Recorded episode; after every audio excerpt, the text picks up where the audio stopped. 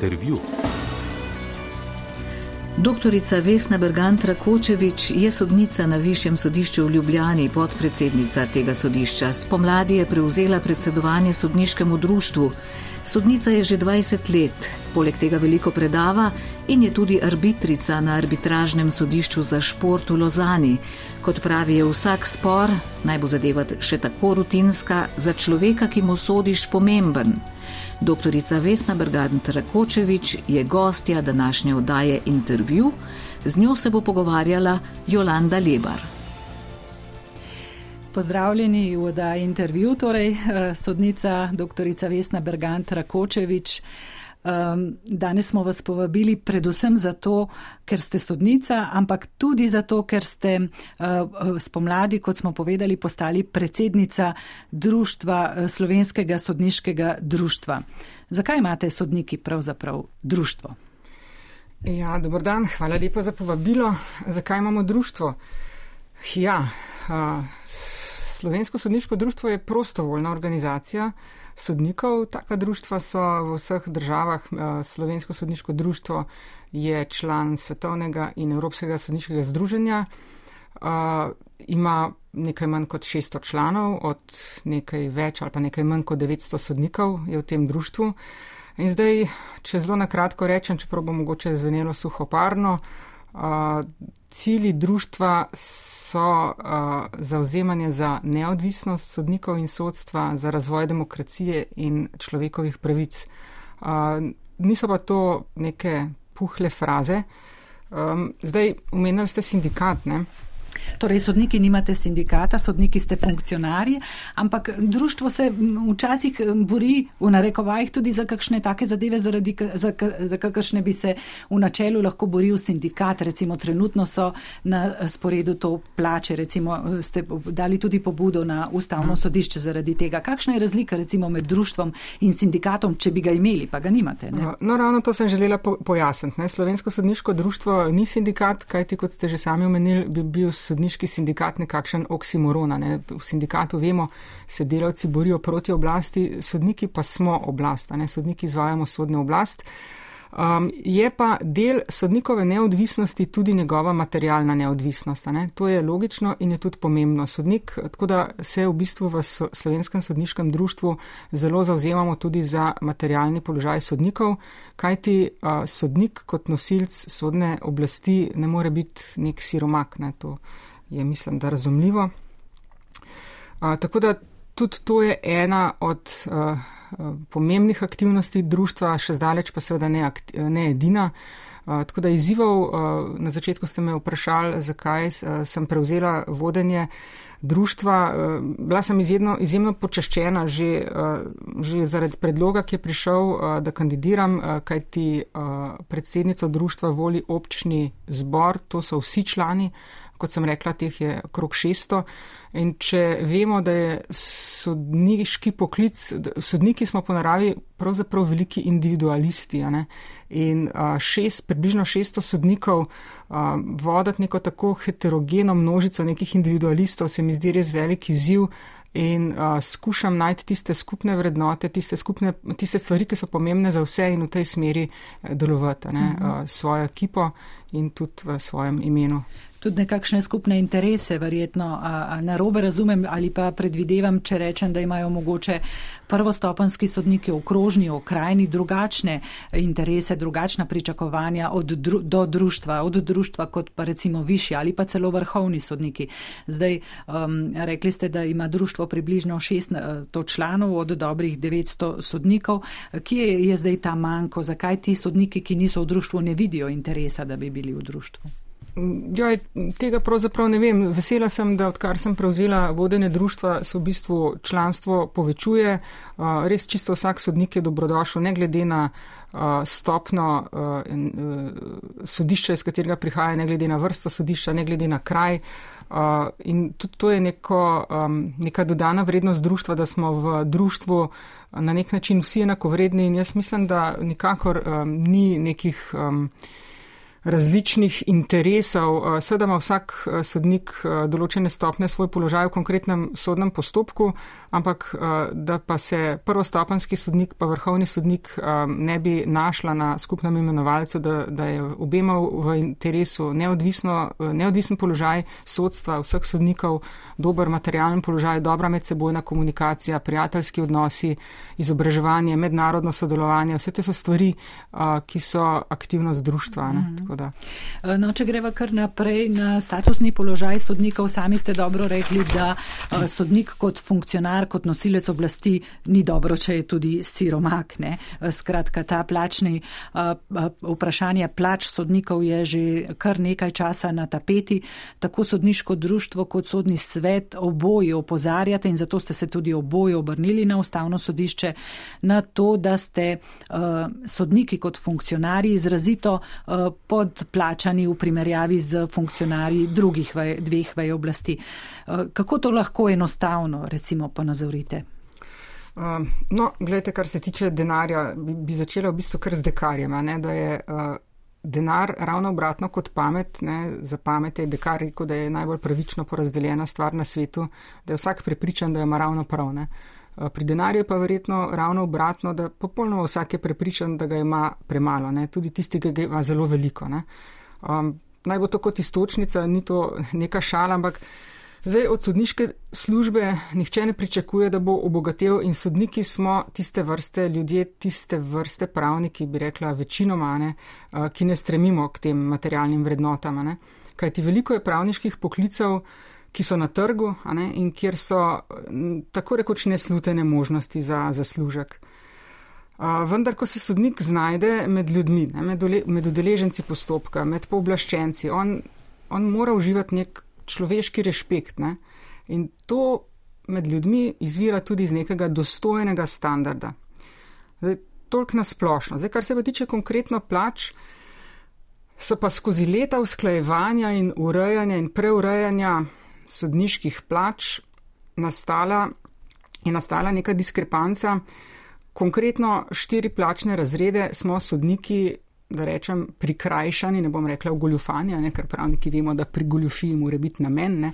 Skratka, ampak skozi uh, skoz ta leta so približno, ne, če rečemo, uh, povprečno je vsak sodnik štiri plačne razrede na slabšem v primerjavi recimo z nekim težko reči, povprečnim drugim predstavnikom drugih dveh vej oblasti.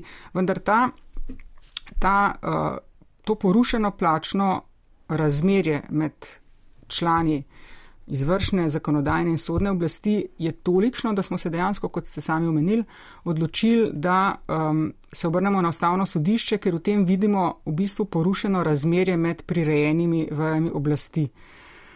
Zdaj, sodniške plače morajo biti nekako ustrezno umeščene v ta sistem, ne, kot sem rekla, sodniki smo nosilci oblasti. In zdaj, recimo, če se primerjamo, s čim se lahko mi primerjamo v Sloveniji. Sveda, za nas je merilo poprečna plača na zaposlenega prebivalca. Ne. In po tem kriteriju, recimo, evropske institucije primerjajo plače pravosodnih funkcionarjev, se pravi sodnikov.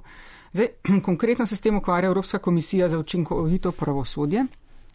Uh, in tam so izdelane primerjave za recimo sodnike začetnike, pa za vrhovne sodnike napram, kot sem omenila, povprečni plači na zaposlenega v tisti konkretni državi članici. In vidimo pa v obeh kriterijih Slovenija odstopa navzdol, nekje bolj, nekje manj krepko, vendar še vseeno. Zdaj, seveda je to Naša ustavna pobuda je precej obsežna, ker je natančna, ker je podprta s številkami, ker je konkretna in je zdaj tukaj verjetno za poslušalce ni tako zanimivo, da bi šla v te podrobnosti. Mm -hmm. Bom um, mogoče drugače vprašala vas, ne? ker pogosto, kadar sodniki govorite o tem, da imate uh, skratka niže, da ste uvrščeni v niže plačne razrede kot pa primerljivi funkcionari drugih vej oblasti, pogosto slišimo zlasti z politike tudi to dejstvo, da sodniki imate trajni mandat, oni pa recimo po večini so vezani na mandate, uh, poslanci celo, uh, torej zagotovo mm. štiriletni mandat ali celo krajši, če so predčasne volitve, torej, da pri vas ta trajni mandat v bistvu to nekako odtehta. Oni pa v teh štirih letih nekako morajo imeti više plače za to, da sploh v bistvu si zagotovijo tudi obstoj nekako za naprej. No, to ste me pa res presenetili, ker tega argumenta nekako, ali sem ga pozabila, ker se mi zdi tako nesmiselno, nekako ne vidim logike tega argumenta, kaj zdaj nek poslanc se bo v enem mandatu obogatil in prešparil za nad... Sploh ne vidim povezave. Ne obogatil, ampak njegova ja. pri, prihodnost je praktično v tem smislu negotova, ne, da je bil izvoljen za štiri leta, sodnik pa je bil izvoljen vendarle v trajni mandat ampak in praktično skoraj noben sodnik ga ne izgubi oziroma zelo redki. Ne.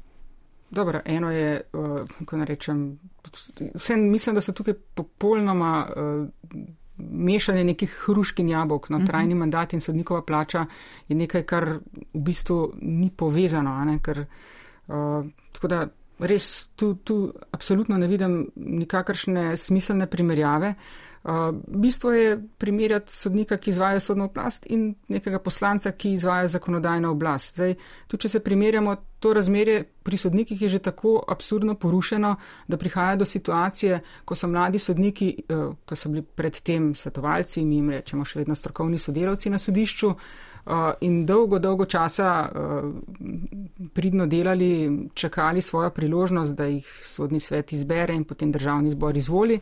In ko to dosežejo, ko se jim nek uh, življenjski karjerni cilj izpolne, dobijo naenkrat nižjo plačo, kot so jo prej prejemali kot strokovni sodelavci. To je nek absurd, ki samo ponazarja. Mhm. Sej, verjetno so tudi marsikašni drugi javni službenci podplačani, zato sem začela s tem, da verjetno čist, čisto nihče ni zadovoljen ne, v celoti svojo plačo. Um, ampak vseeno, jaz mislim, da so neka razmerja, ki morajo v družbi uh, obstajati in se, in se ohranjati. Torej, od ustavnega sodišča na kratko rečeno pričakujete, da bo ta uh, nesorazmere nekako pripoznal kot neustavna in da bo seveda potem, če že ne bo ustavno sodišče samo določilo, vsaj zakonodajalcu naložil, da to popravi v plačnem sistemu. Ja, mi seveda na to upamo, to pričakujemo. Zdaj podobno, mi smo podali pobudo eh, Slovensko sodniško društvo kot prvo podpisani in tudi posamezni eh, sodniki z imenom in primkom. Eh, zahtevo za presojo ustavnosti je pred kratkim podal tudi svet, sodni svet v nekem konkretnem postopku, kjer je kandidat to izpostavil. In uh, pričakujemo, sodni svet je podal na našo pobudo tudi predlog, da se obe zadevi združita, ker smo dejansko, uh, cela skupina je uh, delala na tem, da se to dejansko podkrepi z objektivnimi podatki, uh, da se bodo naši argumenti slišali in da bo slejko prej ustavno sodišče k temu tudi pristopilo, ker v, pri drugih deležnikih žal nismo uspeli najti nekega posluha. Mm -hmm. No, doktorica Vesna Bergant Rakočevič, predsednica Slovenskega sodniškega društva, kako je v tem trenutku biti sodnik v teh družbenih razmerah? Ha, ja, ne rečem lepo, ampak težko. Ne? Zakaj lepo, zakaj težko? Ja, lepo zato, ker verjetno vsak, ki si izbere ta poklic, eh, v tem vidi nek, nek smisel, neko poslanstvo, ne? razreševanje sporov med ljudmi varstvo, sodno varstvo pravic posameznikov. Vse to so neki pomembni in plemeniti cilji ne? in sodnik je tisti, ki to na koncu dneva uresniči. Zdaj, težko pa iz vrste razlogov. Zdaj, pritisk, kot sem rekla, vsak dan je sodnikovo delo je pod nekim velikim pritiskom, pa ne tako, kot si javnost to nasplošno predstavlja, ne, saj ne prvenstveno. Zdaj, pritisk bi rekla, so za vsakega sodnika zadeve, ne, ki ga čakajo v nekem predalu, v umarja, ne, odločitev v razumnem roku, um, teža tiste zadeve, pomen zadeve za posameznika, pravna kompliciranost, dejanska kompliciranost, poglabljanje v te teže zadeve, skrbno obravnavanje vseh zadev hkrati, ne, manj pomembnih, bolj pomembnih, po teži, po vrsti, po, po starosti. Zdaj, sodniki imajo v delu veliko število zadev hkrati. Ne? Vsaka stranka misli, da je njegova zadeva najpomembnejša, da je njegova edina, da zakaj že to, toliko časa čaka. Sodniki se tega zavedamo, ampak zdaj, recimo, pritožbeni sodniki imamo hkrati več deset zadev v delu, ne? prvostopenski sodniki imajo hkrati več sto zadev v delu. Ne? In to so konstantni, kako rečem, psihične, psihološke in intelektualne obremenitve. To, to, to so pritiski, ki si jih ustvarite v bistvu sodniki sami, ne, s tem, ko želite čim bolje opraviti svoje delo. Kaj pa recimo te zunanje pritiske, o katerih veliko govorimo? A sodniki berete naprimer Twitter, berete Facebook, kako reagirate, kadar spet slišite besedo krivosodje, kadar slišite, da ste še ostaline prejšnjega sistema, mm. da v sodstvu ni bilo ilustracije, da, da je um, določeno sodišče leglo uh, komunističnih kadrov in tako naprej. No, koliko posameznih sodnik to spremlja, je težko reči, ker kot rečeno smo individualci, ampak dejansko verjetno se tem medijskim pritiskom, tem političnim pritiskom in žal tudi nekim pritiskom znotraj naših lastnih vrst ne da povsem ogniti. In zdaj, če sodnik ob vsem tem, ne, ko se trudi, ko ima poln vsak dan teh zadev, konstantno posluša, ne, kako so, tako, kot ste omenila, ne, kako je vse slabo, kako je to neko leglo nekega, ne vem česa, ne, da pač uh, smo kot neka zastrupljena torta. In, skratka, težko je v bistvu verjetno ohraniti neko samozavest, ki je nujna, ki je ne, nujna povedati tem mladim generacijam zlasti, ne, da, so, da so dobri, zdaj vsak seveda dela napake, ampak a, to gotovo ni prijetno in nič ne pripomore. Ne. Zdaj pritiskov ni v smislu, kot si morda nekdo predstavlja, ja, politični pritisk, zdaj bo pa ne vem, nek poslanc ali pa župan poklical sodnika, pa mu rekel, poslušaj, tako pa tako odloči, ne vem, lahko da se dogaja, ni znano, ne, meni ne. Ampak. Um, ta neka družbena klima, ki se ustvarja, kot ste omenjali, ne, da, da je sodstvo nekaj slabega, nekaj, uh, nekaj pristranskega, nekaj uh, nesposobnega. Ne, to, uh, to je slabo, škodljivo za, za sistem, uh, za družbo, ne, kjer mora v bistvu uh, sodišče zagotavljati neko mirno sobivanje, uh, neko predvidljivo varstvo pravic posameznikov in, in tudi družbin. A kakšnega, a katerega od sodnikov to tako, ne vem, stre, potre, da vendarle se zaradi, tudi zaradi tega odpove sodniški službi? Uh, ja, spet ste me vprašali preveč. Zdaj, uh, upam, da ne. Načeloma uh, so to, pač je to peza poklica, ki ga verjetno delno vzameš tudi v zakupane, ker je sodišča, recimo jaz sem uh, civilistka, civilnem sporu imaš tožnika, imaš toženca, oba zelo težko zmagata, če ne skleneta poravnave in seveda načeloma iz sodišča ena stranka odide nezadovoljna in tista ne bo ploskala in, in razlagala, kako je sodnik bil uh, dobro pripravljen, kako je sodba uh, pravična in dobro utemeljena. Um, tako da um, je pa tudi na društvu dobivamo predloge, kar se tiče konkretnih pride tudi do groženj, pride tudi do, do nekih uh, žal tudi fizičnih napadov. In uh, ta stres, ki sem ga omenila na začetku, plus te neki ekscesi, ne, uh, plus, kar česar nisem še omenila, uh, pa so recimo izjemno uh, zahtevne zadeve v psihološkem smislu, so zlasti te kazenske in pa družinske.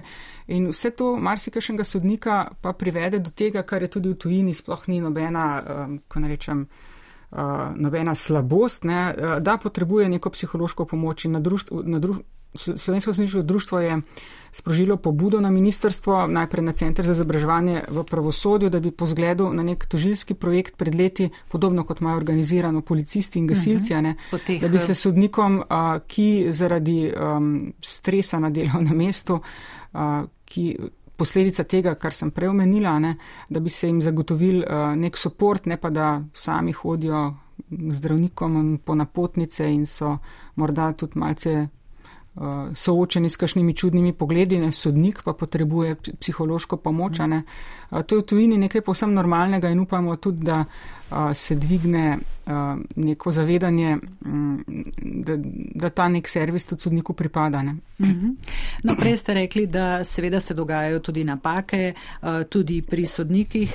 Zdaj deloma te napake odpravi ta sistem večstopenskega sojenja, skratki naslednja stopnja lahko odpravi to napako. Pa sodniki svoje napake kdaj priznate? Uh, v vsaki človeški dejavnosti je ugrajeno, da pač ne, kdor dela, tudi greši. Ne. Normalno, da sodniki delajo napake, ampak to, kot ste sami omenili, zdaj sodišča sploh nimamo kaj priznavati napak, ne, ker, je, ker so naše napake odpravljive in popravljive, gre za sistem uh, pravnih sredstev, v sodstvu je jasna hierarhija, prvostopensko sodišče, pritožbeno sodišče, kjer zadeva postane pravnomočna. Ne. Še danes velja latinski rek, ne res judicata pro veritate habetor, ne torej pravnomočna zadeva se šteje za resnično, tudi če ni, ne. Potem imamo pa še sistem izrednih pravnih sredstev, tako da uh, napake so, detektira na jih sistem pravnih sredstev, ker drugega boljšega sistema pač ni, ne. Um, in zdaj enkrat sem že omenila oziroma povdarla, ne, da je više, ko greš po hierarhiji, večjo odgovornost tudi nosiš. Ne. Tvoja neodvisnost je povezana tudi s tvojo odgovornostjo in um, višji sodniki imamo večjo odgovornost. Največjo odgovornost pa nosijo pač vrhovni, vrhovni sodniki in vrhovno sodišče. Ne. To je v tem našem sistemu zelo jasno. No, ampak tudi recimo eh, na vrhovnem sodišču, recimo v odločitvah se zgodijo take eh, zadeve, kot so se zgodile v zadevi prestitutka. Skratka, dve novinarki eh, tožita isto osebo očkodninsko, potem pa vrhovno sodišče v eni zadevi odloči tako, v drugi pa drugače. Skratka, ena novinarka je upravičena do očkodnine, druga ni. Kako ljudje lahko to razumejo? Ob tem, da eh, sodstvo vedno samo povdarja, da bi bilo treba več narediti za poenotenje sodne prakse. Kako naj razumejo? Ja, zelo težko, res. To, kar ste pa vprašali, je v bistvu nekaj, kar se ne bi smelo zgoditi. Zdaj, Vrhovno sodišče je po zakonu tisto, ki skrbi za enotno sodno prakso in zdaj v dveh tako identičnih zadevah izdati dve diametralno eh, različni odločitvi, pa čeprav naj bi bila zadeva po nekih argumentih mejna, ne, to je enostavno nedopustno. Zdaj, sodnik Dolence je rekel, da bi moralo biti vrhovno sodišče svetilnik. Uh mhm. -huh. Jaz bi rekla žal, da je to zadnje čase, včasih bolj neka brljivka, ki nam dejansko ne daje nekih jasnih usmeritev. Um, Ker razlog... dejstvo je, da se to ni zgodilo prvič, ne? že v preteklosti smo imeli take sodbe, tudi v zvezi z učiteljskimi plačami, z to, kar je svist ožil. Skratka, ni prvič, da je vrhovno sodišče dalo dva različna signala o istem prav, o podobnem pravnem vprašanju. Ne? Žal, žal vam moram samo pritrditi in še enkrat vrhovno sodišče je tisto, ki nosi najvišjo odgovornost in lahko si samo, ne vem, vsak poslušalec sam odgovori. Verjetno je tudi tam še kaj prostora za izboljšanje, ali pa so razlogi mogoče tudi kje druge, kdaj. Uh mhm. -huh. Težko ugibamo. Uh mhm. -huh. In brez da se spustimo v samo vsebino, ampak kako lahko uh, ljudje razumejo dejstvo, da bo recimo v zadevi Balkanski bojevnik uh, potekalo že tretje sojenje? Ja, no, gledajte, sama nisem specialist kazenskega prava, ampak ne slepimo se. Ne? Tukaj imamo s temi velikimi kazenskimi procesi očitno velik problem. In tudi zavedamo se, zavedamo se, da nas a, ljudje ocenjujejo verjetno zlasti po teh velikih, odmevnih, medijsko zelo izpostavljenih kazenskih primerih, čeprav so statistično v, ne vem, v procentu ali pa še, še manjšem številu in tudi niso reprezentativni, ampak vseeno, ne.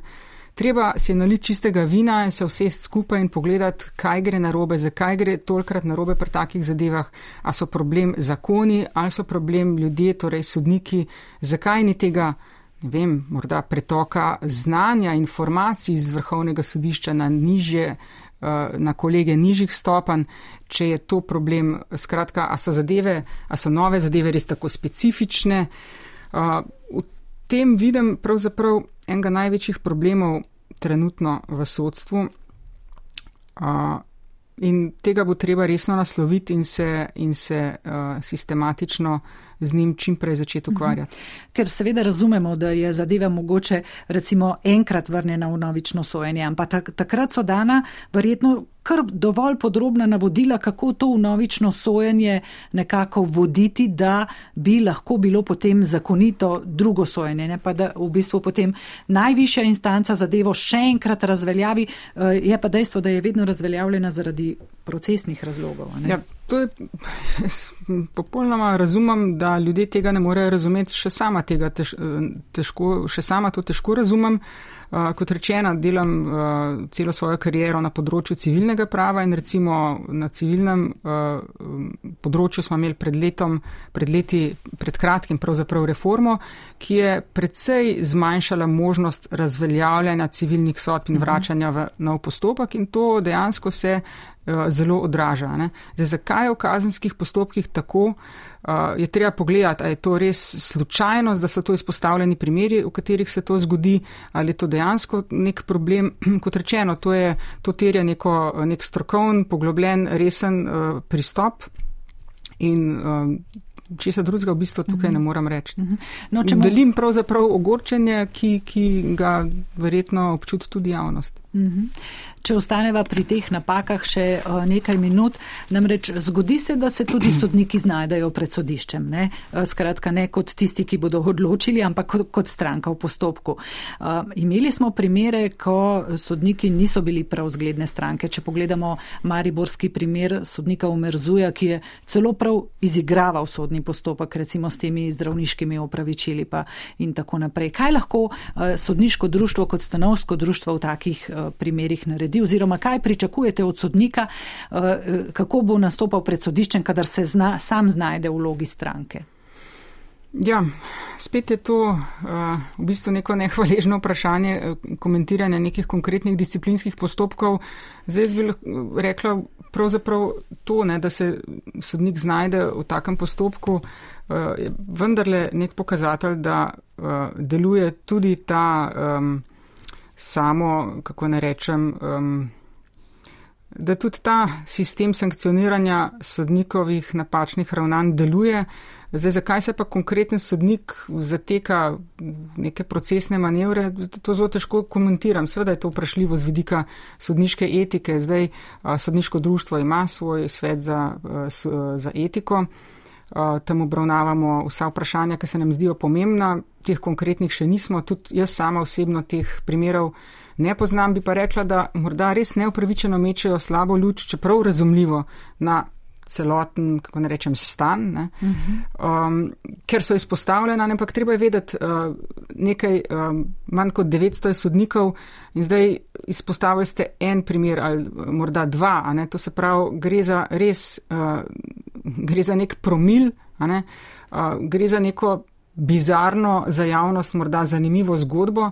In teh zgodb, ko spremljam tuji tisk, je tudi kar nekaj, zato ker je to pač eh, nekaj, ob čemer se človek začudi, nasmehne. Uh, sodniki smo tudi ljudje, ne, uh, s takimi in drugačnimi pomankljivostmi in to nikakor ne, ni nek pokazatelj stanja, ne vem, morale poprečnega slovenskega sodnika ali pa njegovega ravnanja, ko se znajde kot stranka v postopku. Mm -hmm. Mogoče vprašam še nekoliko drugače, ali obstaja to, če čemu bi rekli cehovska solidarnost med sodniki?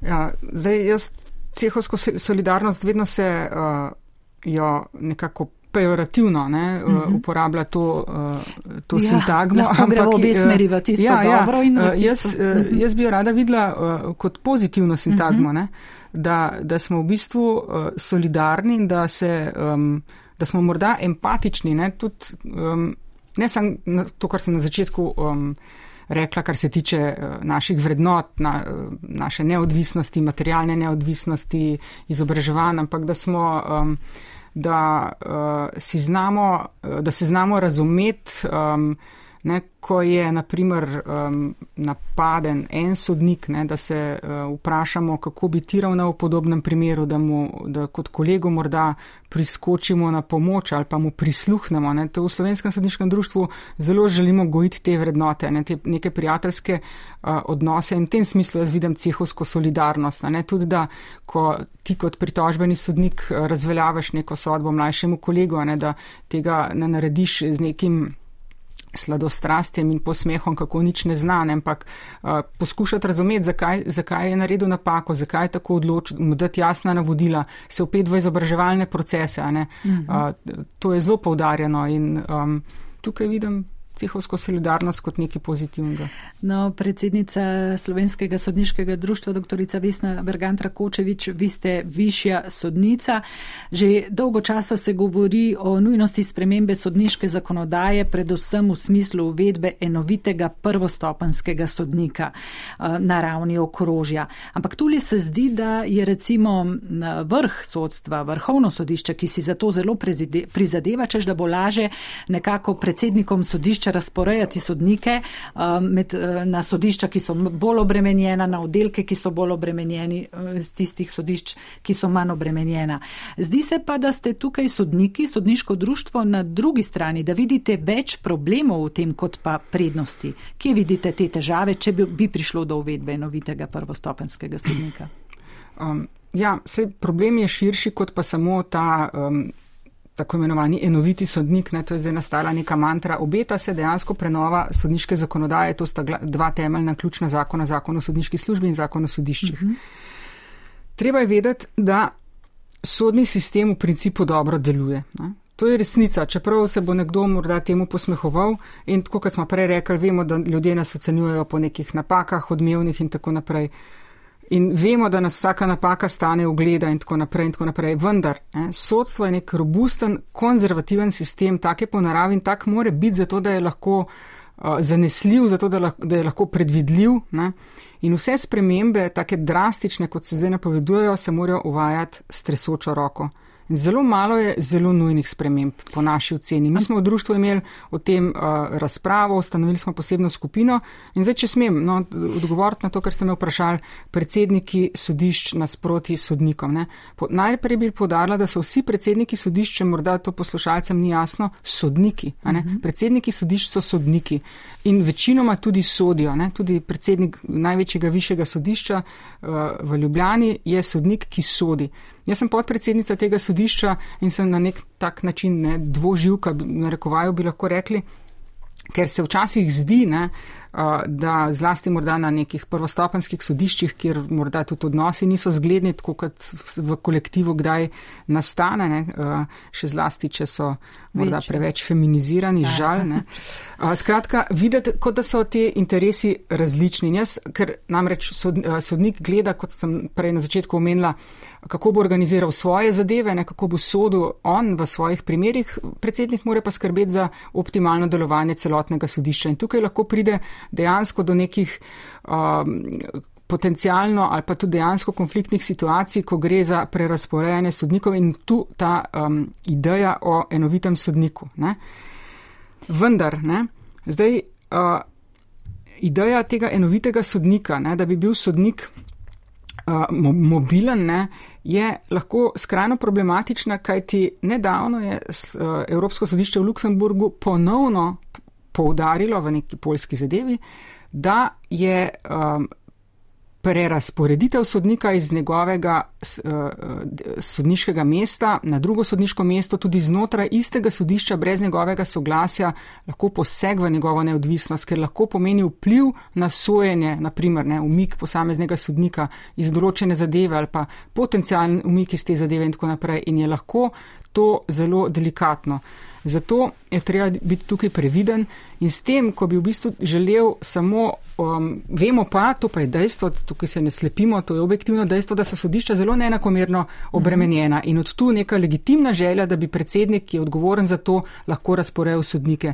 Vendar je treba videti, a je dejansko nujno zato je v tako široko reformo, ki bi se z, uh, sodni sistem vračala nazaj na temeljna sodišča pa na njihove enote, mogoče doseči um, mobilnost sodnikov kako drugače naprimer po nekih avstrijskih uh, vzorih, zelo, uh, kjer zelo dobro deluje tako imenovani Springrichter, mobilni sodnik, ki je, ki je uh, ni sodnik začetnik, ki bi ga predsednik premaknil nekam na neko zahtevno delovno področje, ampak je izkušen sodnik z, z referencami, je tudi stimuliran, ker dobi poseben dodatek za to, da se pač vozi dlje morda, da ima s tem povezane uh, stroške, drugačno organizacijo življenja, naprimer. Uh -huh. um, tako da tukaj je treba biti zelo um, previden, uh, izdelati neke resne analize in ne iti v neko prenovo, ki jo zdaj čakamo že toliko in toliko let, zdaj se pa kar naenkrat mudi. Ne mudi se, kot sem rekla, samo redke spremembe so zelo nujne. Ja, ampak se je zanimivo, pobuda za to je v bistvu iz sodstva prišla. Ne? Seveda je, kot rečeno, ne, problem neenakomerne obremenitve sodišč obstaja in to, in to je dejstvo in ga je treba nasloviti in ga je treba rešiti, ampak na kakšen način, ali s preureditvijo mreže sodišč, ali z enovitim sodnikom, ali pa z uvedbo mobilnega sodnika, pa kako drugače. Ne? Ker ko, ko ste zdaj le omenili mrežo sodišč, ne, ki je pri nas res v velikem ali pa v določenem delu neracionalna, ko imamo ta majhna okrajna sodišča, kjer so samo trije sodniki ali pa sodnice, pa od tega je ena predsednik, podpredsednik, mm. pa še en sodnik, potem pa eden manjka, pa se jim podre um, uh, uh, pač cela zadeva. Ne. Ampak tu pa ne letimo tudi na politiko. Um, tu pa noben poslanec recimo ali pa potem se pa župani oglasijo, pa občinski sveti in tako naprej, ne želijo izgubiti recimo tega okrajnega sodišča v svojem kraju, pa čeprav je tako majhno. Uh, ja, no, se to je na nek način je to razumljivo, pa zdaj ne gledam z vidika nekih uh, osebnih političnih interesov ali pa preferenc nekih uh, županov, ampak jaz gledam kot neko legitimno um, uh, željo ljudi v nekem majhnem kraju, ker se identificira tudi s tem, ne, da ima tradicionalno sodišče in tako naprej. To je vse legitimno, zato je treba v bistvu k zadeve pristopati, kot sem rekla, sistematično in pogledati, naprimer, prej sem omenila to Evropsko komisijo za učinkovito pravosodje. Ne. Tam so tudi zelo jasni kriteriji izdelani, kak, na ne, um, objektivni kriteriji, kjer ne bi se noben potem čutil subjektivno prikrajšan ali poškodovan, če bi se odejanili na ta princip, ne na tok in tolk uh, število, število prebivalcev uh -huh. in mhm. tako naprej. Po, tudi uh, moramo se zavedati, sodniki smo zaradi ljudi, a ne, ne obratno. In zdaj um, sodnik je lahko mobilen, ni, ni, ni potrebno stranki hoditi daleč, recimo iz, iz njenega kraja na sodišče, roko na srce, smo pa tretje tisočletje, tudi narava sodnih postopkov, tudi komunikacija je drugačna. Ne, pač mhm. Ali pa da bi recimo, vem, tam, kjer je zdaj okrajno sodišče, uh, trije sodniki prišli recimo v narekovaju iz Ljubljane in tam tri dni imeli obravnave ali kaj podobnega. Seveda, torej, to samo potrjuje, da so rešitve lahko zelo različne in da je treba uh, s tako drastičnimi posegi v sodstvo um, je treba, uh, treba um, no, biti previden. Uh, proti koncu pogovora greva, samo še to vas bom vprašala, ali uh, je slovensko sodstvo, ste slovenski sodniki še dovolj daleč od tega, prej ste omenili Polsko, od položaja, v kakršnem so se znašli polski sodniki? Ja, jaz zelo upam, da smo. No, zdaj, um, pak, uh, Se mi zdi, da pred vsako katastrofo, ki je doletela človeštvo, so si ljudje verjetno predstavljali, da jih ne more nikoli doleteti. Ne?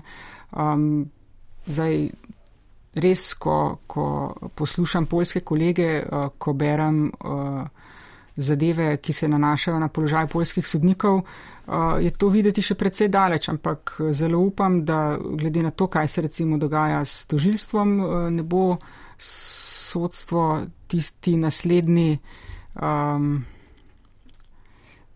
tisto naslednje uh, igrišče za, za neke take eksperimente v neko, v neko čudno smerno. No, Hočem biti, uh, rečem, zelo. Pesimistično. Zanimivo pa je, recimo, da je v ponedeljek Evropska glavna toživka Laura Kjevišik eh, eh, pohvalila držo tako tožilstva kot eh, sodstva v tej zadevi, v tej sagi imenovanja delegiranih toživcev doslej. Čež, da niso popustili tem pritiskom in je vendarle potem prišlo tako do seznanitve kot do imenovanja teh dveh delegiranih toživcev. Tu ste nekako doživeli pohvalo, tožilstvo pa še posebej podporo, čež smo z vami, držite se, opozarjate na to. Mislite, no, da tudi vsako, sodstvo rabi nekaj takega? To, kar sem prej rekla, vsako pohvalo je, je lepo slišati, zdaj naš poklic ni tak, da bi, da bi nas prav uh, hvalili, ampak tem vidim dejansko tudi en delček te neke pozitivne solidarnosti, uh mhm. -huh. um, ki jo tudi mi delimo in podpiramo polske kolege, to je en del uh, mednarodne dejavnosti društva, tako da o tem se tudi morda premalo govori, ampak uh, ja. Mhm. Eh, doktorica Vesna Berganta Rakočevič, predsednica Slovenskega sodniškega društva, počasi bova morali končati, mogoče čisto na hitro, samo še, kako je COVID vplival na delo sodišč. Torej, lani, letos pomladi so sodišča kar dolgo časa upravljala samo nujne zadeve. Kako je zdaj? Ja, to je bil dejansko šok, ne, tista popolna zapora, um, ampak zdaj je pa tako, ne, kot nasplošno človek se žal vsega navadi. Uh, zadeve uh, moram pa res in poh, ponosna sem na kolege, uh, se jim na, na tem mestu še enkrat zahvalim in jih pohvalim, kako so dejansko predano delali v nekih um, razmerah, ki temu niso bile prilagojene, ne prostorsko, ne tehnološko, ne zakonsko, ne, pa so vendarle uspeli delati marsikaj več kot samo tiste nujne zadeve. Uh, tako da mislim, da se v bistvu tukaj sodstvo, brez da bi bili karkoli stimulirani ali pa ne da bi bili karkoli stimulirani ali pa nagrajeni s kakršnimi koli dodatki. Uh, tako da mislim, da je bil to tudi en preizkus, uh, kjer se je pokazalo, da um, so slovenski sodniki um, kar zaupanja in spoštovanja vredni. Uh mhm. -huh. No, doktorica Vesna Bergantar Kočevič, vi pa niste samo sodnica, ne? že v začetku smo omenili, da ste tudi arbitrica in greste čez dva meseca celo na olimpijado, ste mi povedali, kaj boste tam počeli. Eh, ja, res je, res je. Eh, kot arbitrica arbitražnega razsodišča za šport v Luzani sem bila povabljena, da grem v tako imenovani dežurni senat, temu mi rečemo ad hoc division, to je že kar tradicionalno, da na velikih tekmovanjih KAZ zagotavlja 24-urno dežurstvo za razreševanje sporov, ki nastanejo na, na prizorišču samem. Uh, in uh, ja, ta ponudba je prišla, tako da to je bil zame osebno bil to zadetek na loteriji. Ne. Arbitral nas je iz celega sveta nekih 400 in pa zdaj, če je olimpijada na vsake 4 leta, ne, kaj se ti to zgodi enkrat na 100 let. Tako da šport je res moja velika ljubezen in športna arbitraža. Uh, nekaj več kot koniček. Uh, tako da ja, te izkušnje, čeprav ne bo prijetna, Kitajska ima neverjetne ukrepe, uh, te izkušnje se že zelo veselim, to bo moj zimski dopust. Društvo bom zaupala v dobre roke obeh podpredsednikov, kolega Ekarta in kolegice Miklavčič. In upam, da bo sporov seveda čim manj, ne, spoh ne slovenskih in da bo medalj pa čim več, zlasti slovenskih. Absolutno. Torej, kaj vam zdaj zaželimo, da najmanj do začetka, pravzaprav do konca olimpijade ostanete zdravi, da bo vse v redu, pa tudi sicer ne eh, za delo društva. Kaj, česa si eh, najbolj želite za sodnike v prihodnjem letu? Uh, ja, hvala lepa za dobre želje. Česa si želimo? Želimo si ohraniti našo neodvisnost. Uh, in jo še okrepiti, um, tudi materialno, ne samo materialno, ampak tudi materialno, uh, še okrepiti zavedanje, da neodvisnost uh, pomeni tudi odgovornost, da se še bolj zavedamo svoje avtonomnosti, da smo avtonomni, da smo samozavestni, da, bi, da nam bojo ljudje še bolj zaupali, ker to je bistvo. In kot ste sami rekli, da se ne začne uresničevati polski scenarij. Doktorica Vesna Bergantar Kočevič, hvala, ker ste bili v oddaji intervju na prvem programu Radia Slovenija. Ja, z veseljem, hvala za povabilo.